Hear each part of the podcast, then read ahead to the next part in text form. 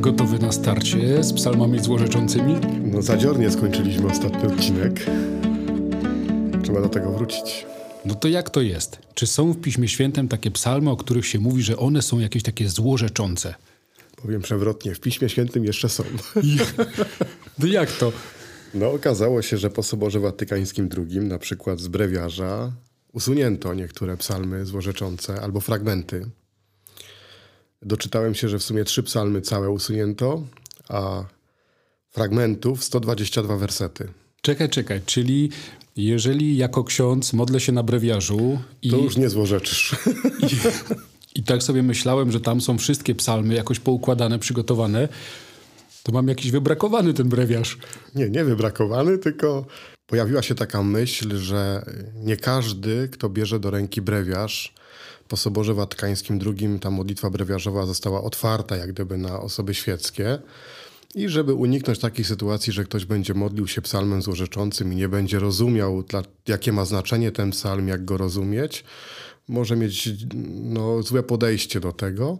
Więc dla bezpieczeństwa, że tak powiem, usunięto i oczywiście możemy znaleźć zwolenników takiego czegoś i przeciwników takiej postawy usuwania tych psalmów. Tak mówię, w Piśmie Świętym są, nikt nie planuje na razie usuwać. No to mnie właśnie dziwi, bo przecież jak ktoś sięga po brewiarz, to nie są to osoby z przypadku, to albo księża, albo siostry zakonne, albo ludzie, którzy należą do trzeciego zakonu, y, na przykład świętego Franciszka. Ktoś, kto religią żyje jakoś tak bardziej. I nagle co do nich mówimy, że mogą nie zrozumieć? No a gdybyś tak w pierwszej chwili miał wziąć któryś z psalmów złorzeczących, to jakie będzie twoje podejście do tego? No i jak to tak? Jak to tak można w ogóle? No właśnie, jest problem. No nie? Jak to jest, że w Piśmie Świętym, w Księdze Psalmów pojawiają się słowa, które życzą komuś bardzo wielkiego zła? A mamy jakiś taki przykład? Na przykład z Psalmu 137. Córo Babilonu, szczęśliwy ten, kto chwyci twoje dzieci i roztrzaska o skały. Klasyczne złożyczenie. Jak to rozumieć w takim razie? Mówimy, że Pismo Święte może być świetną księgą do nauki modlitwy. I powiedziałeś fajnie w ostatnim odcinku, że w psalmach są wszystkie sytuacje naszego życia już opisane i one są gotową treścią modlitwy. No to jak rozumieć to? No właśnie. Skoro wszystkie, to wszystkie. Usuwanie psalmów złorzeczących to jest tak, jakbyśmy próbowali usunąć z życia człowieka wszystkie takie negatywne emocje. Nie? Coś się wydarzyło, bo tu trzeba wziąć pod uwagę, że psalmy to jest zapis modlitwy kogoś. Ktoś się tym taką modlitwą modlił, czyli kogoś musiało spotkać coś naprawdę złego w życiu, mhm. skoro komuś życzył czegoś tak złego. A czyli to tak w głębszym rozumieniu psalmy złorzeczące to jest wołanie o sprawiedliwość Bożą. Jeden ze sposobów rozumienia jest właśnie taki, że ten ktoś wierzy w to, że Bóg jest sprawiedliwy i że Bóg może y, dokonać tej sprawiedliwości. Czy to zrobi, czy nie, to jest zupełnie co innego. Ale to jest sama taka postawa człowieka, że on wierzy w to, że Bóg jest sprawiedliwy i co mało tego, że Bóg wysłuchuje tego słabego, no nie? Bo ten, kto złożyczy, to z reguły jest coś słaby, pokrzywdzony. Mhm. Więc stąd takie psalmy. Ale na przykład może być też tak, że y, to jest na, z naszej perspektywy dzisiaj. No nie bierzemy psalmy do ręki, czytamy, Aha. modlimy się i trafiamy na taki psalm złorzeczący. Na przykład 109. Na przykład 109. I teraz jak my to możemy zrozumieć też? Że my możemy słowami tej osoby, która się modliła w tym psalmie, wyrazić jakiś swój wewnętrzny gniew. Aha. Y, spotkałem się z taką y, opinią, że człowiek potrzebuje tak psychologicznie dojść do głosu tej takiej ciemnej stronie swojego życia.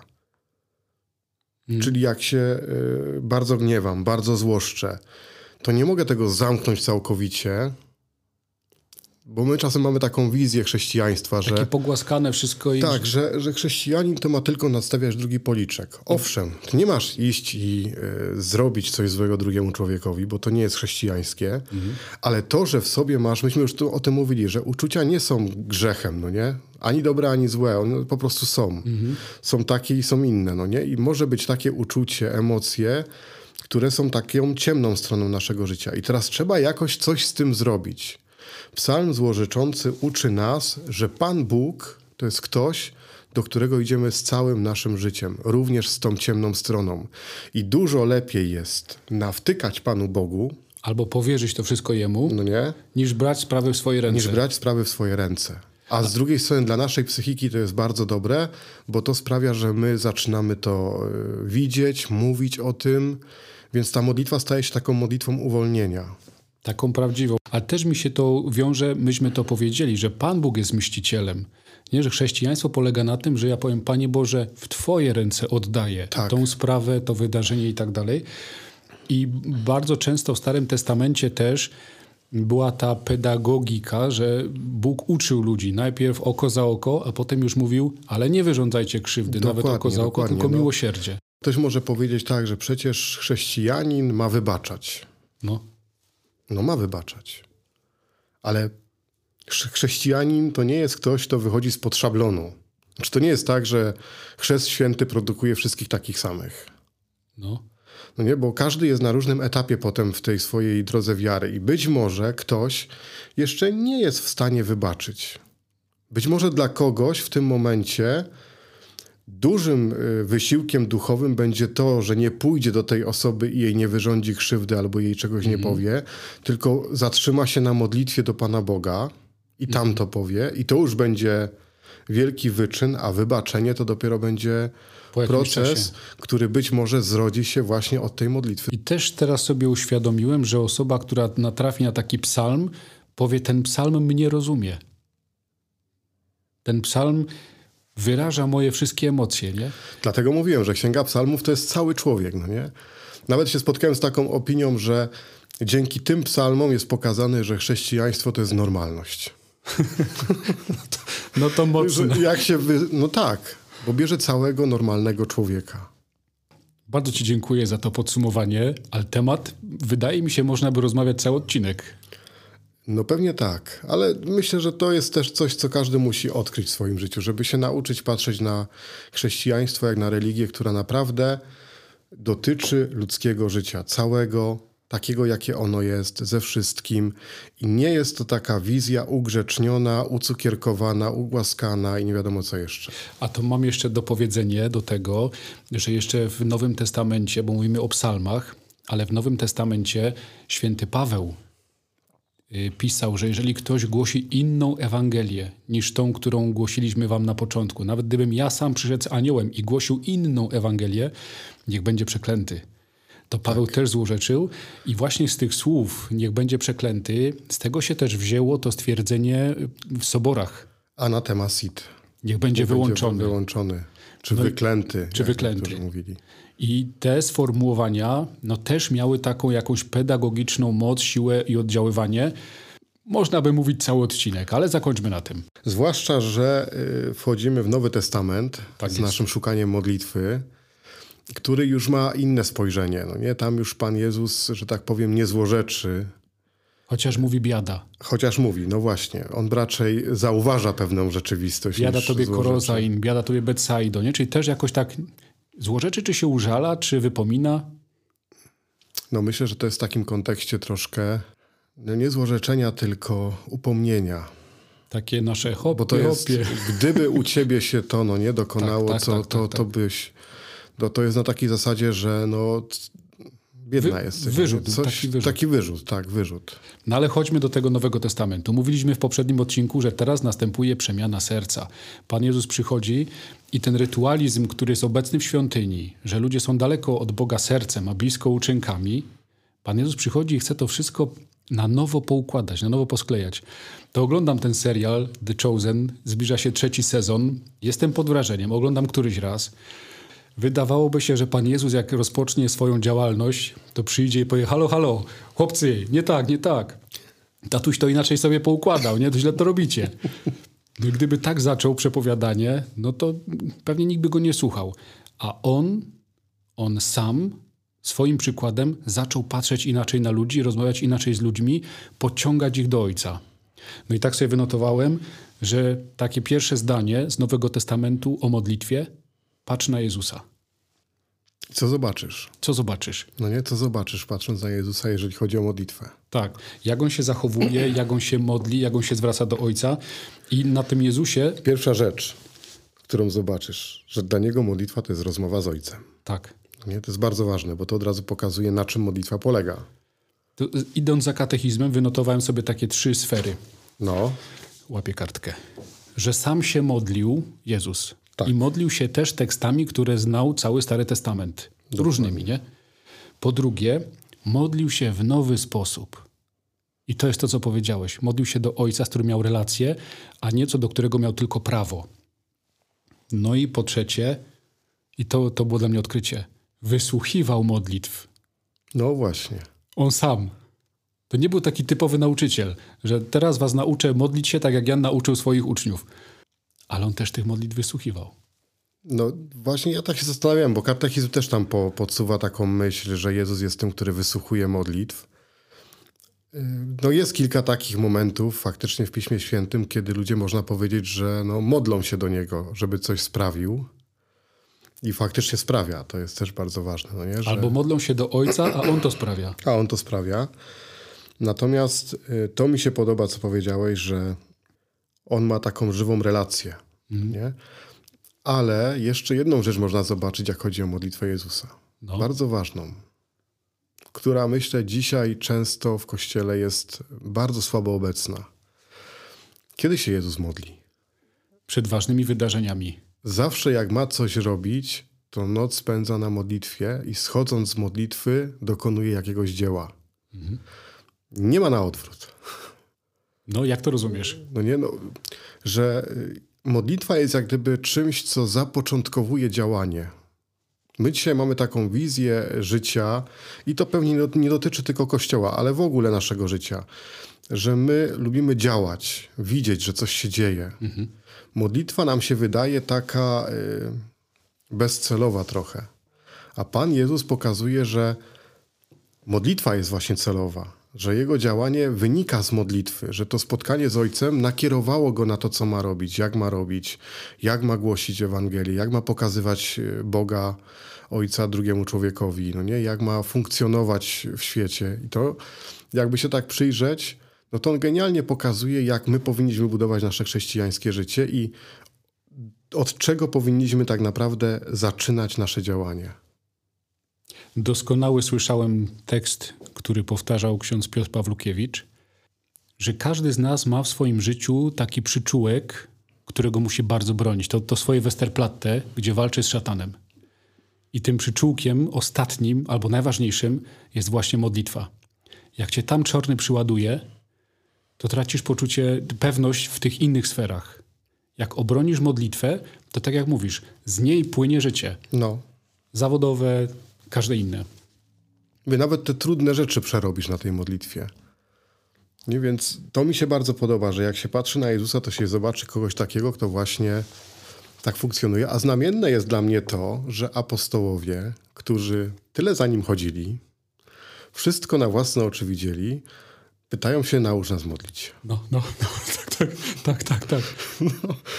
Widzą, jak to robi, no nie? Fakt faktem, że może nie zawsze słyszą słowa, bo jest, że robił to na osobności, no nie, że odchodził od nich na osobność i tak dalej. No ale są przy tym cały czas, są tego świadkami. A jednak proszą, naucz nas modlić się. Czyli tak by nie wystarczyło tylko samo to, że się będziemy patrzeć na Jezusa. I mam do tego obraz, bo z modlitwą to może być tak z relacją na przykład z piękną kobietą. Możesz o niej opowiadać, możesz się zachwycać, możesz czytać jej listy. Widzę twoją minę, to dobra, to, to zróbmy, że relacja... No dobrze, dobrze. Możesz. Zróbmy, że relacja z papieżem, nie? Dla ciebie. że, że czytasz papieża, słuchasz o papieżu, na Deo nie czytasz o papieżu, ale tylko czytasz i słuchasz, tak o modlitwie. No, A to jest zupełnie coś innego, niż byś z tym papieżem wypił kawę. To jest zupełnie coś innego, niż byś z nim porozmawiał osobiście. I tu uważam, że jest to niebezpieczeństwo, w które mogli wpaść apostołowie. Mówili o, no ale nie, no to oni mają przeciwną sytuację. Oni nie mówią, tylko widzą, siedzą, jedzą widzą, z nim, rozmawiają. no tak jakby oglądali zdjęcia cały czas, nie? Ale z nim, nie zdjęcia. Ty nie siedzisz z papieżem. Możesz co najwyżej poglądać sobie zdjęcia papieża Franciszka. Poczytać artykuł w internecie. Zobaczyć, co dzisiaj zrobił, co powiedział. A oni siedzieli z Jezusem. I o to chodzi, że oni nie mają tego doświadczenia takiego dalekiego. Nie mają czegoś takiego jak wykład o, na temat y, modlitwy w katechezie środowej papieża Franciszka. Oni mają Jezusa, z którym siedzą przy stole, jedzą, potem mają Jezusa, z którym idą w góry, potem mają Jezusa, który odchodzi na bok, żeby się pomodlić, mają Jezusa, który schodzi z modlitwy, wraca. Czyli chcesz powiedzieć, że Jezus był tak normalny dla nich, że oni, słysząc słowo modlitwa, oczekiwali czegoś więcej? No, ja nie, nie, wiem, co, nie wiem, czy chcę to powiedzieć. Mnie zastanawia to, dlaczego.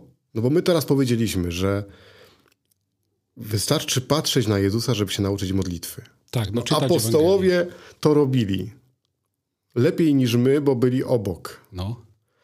A i tak przyszli do Niego, Panie, naucz nas modlić się. No ale przyszli do Niego. No do Niego, to, to... To chcesz powiedzieć, że to jest za mało patrzeć na Niego? Za mało jest wpatrywać się w Słowo Boże? Uważam, że tak, skoro apostołowie też potrzebowali czegoś więcej. To co jeszcze? No i właśnie teraz, co jeszcze? No mi się wydaje, że to, co zrobili apostołowie, mieć taką pokorę i prosić zawsze Jezusa, żeby nas uczył modlitwy. A to jest dobre. Że jedno jest przyglądać się, słuchać i tak dalej, ale mieć taką pokorę, żeby tak jak apostołowie przyjść i powiedzieć: Panie, naucz nas modlić się, bo potem sobie tak uświadomiłem, że my powtarzamy tą modlitwę, którą Pan Jezus im wtedy powiedział, ale on im niekoniecznie powiedział treść gotowej modlitwy. On im powiedział, jaka jest hierarchia wartości na modlitwie. Mhm. Poukładał im jak gdyby świat, którego modlitwa dotyczy, albo relacja z Bogiem, lepiej może powiedzieć. I to mi się bardzo spodobało i to dopiero tak naprawdę odkryłem teraz, jak nad tym myślałem właśnie, nad tym, Dlaczego oni przyszli się pytać? Ale to jest genialne. Bo też spotkałem się z takim zapisem, że modlitwa nie jest naszą naturalną czynnością. Modlitwa to jest coś ponadnaturalnego. Modlitwa też jest jakimś darem, też jest jakąś łaską i moglibyśmy to dopisać jako kolejny punkt przed rozpoczęciem modlitwy. Prośba o łaskę tak. modlitwy, prośba o, o umiejętność modlitwy. Ducha Świętego na modlitwie.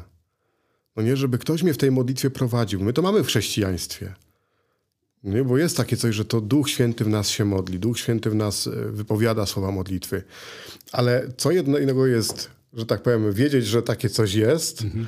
a co innego jest to przeżyć. I mi się wydaje, że apostołowie to są ludzie, którzy nam pokazują, że ta modlitwa to jest coś, co naprawdę jest wysiłkiem pewnym w życiu człowieka. Tak, no, tak, tak, tak, tak. To ten przyczółek, nie? No. Że tego trzeba bronić. To nie jest dane raz na zawsze. No i to, to mi się bardzo, to jest takie moje odkrywcze, jak chodzi o to, że, że to ich pytanie, czyli takie przyjście z pokorą, że oni potrzebują tego, żeby on ich poprowadził w tej modlitwie. Bardzo to fajne. To chciałem cię jeszcze na koniec naszego odcinka zapytać, czy na podstawie Starego i Nowego Testamentu masz już jakąś swoją definicję modlitwy? A tak cię wypuszczam, bo ja mam i chciałem się podzielić. Nie, nie, nie próbowałem nawet myśleć nad definicją modlitwy na podstawie Starego i Nowego Testamentu. Ale czy po tych dwóch odcinkach coś nowego ci zaświtało? No po tych dwóch odcinkach to bym powiedział, biorąc pod uwagę Stary i Nowy Testament, że modlitwa to jest próba oddania życia Panu Bogu. Rewelacja. Mhm. Takie moje próbowanie podzielenia się życiem z Panem Bogiem. Coś na, na, na taki wzór. W tym kierunku. I patrz, jak to się już zmienia po dwóch odcinkach, bo mówiliśmy na początku, że to jest rozmowa. Tak. A to już jest oddawanie życia, nie tylko rozmowa. No. A mam takie swoje doświadczenie, którym chcę się podzielić. Jakoś tak ten czas modlitwy miałem możliwość głębiej przeżywać.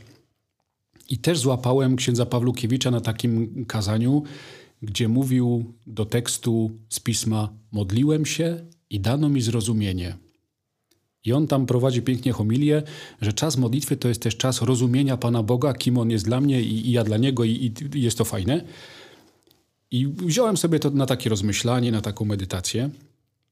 I wtedy bardzo mocno mi w głowie pracował tekst, jak jest przy Bożym Narodzeniu. Emanuel, nazwano go takim imieniem przedziwny doradca, Bóg mocny, książę pokoju. I tak sobie pomyślałem, że skoro modlitwa to jest moje spotkanie z Jezusem, to ta modlitwa jest spotkaniem z Bogiem mocnym. Modlitwa jest czymś mocnym, co mnie umacnia. Modlitwa jest tym przedziwnym doradcą. Na modlitwie wiele rzeczy można sobie poukładać, dobrze zrozumieć. Jest Bogiem z nami. Takie doświadczenie bliskości, że Ja w tym pokoju na modlitwie nie jestem sam. Nie modlę się do ściany, do obrazu na ścianie, tylko do Boga, który widzi mnie w mojej izdebce, w izdebce mojego życia. I ten fragment, ja kojarzyłem to bardzo mocno z y, Bożym Narodzeniem, a potem nagle sprawdzam w internecie oczywiście Księga Izajasza, rozdział 9 i to jest wers 5. Bóg mocny, przedziwny doradca, odwieczny ojciec. Mówiliśmy o tym, że Jezus ma tą relację ojcowsko, synowsko ojcos, do tak. ojca, książę pokoju.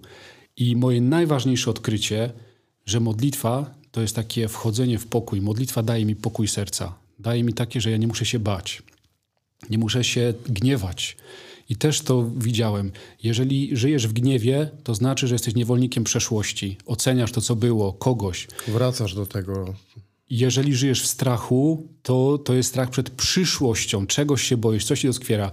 A modlitwa przynosi pokój, a pokój to jest tu i teraz. Jestem, Panie Boże, przed Tobą. Wszystko Ci powierzam, w Twoje ręce oddaję. I naprawdę modlitwa daje pokój.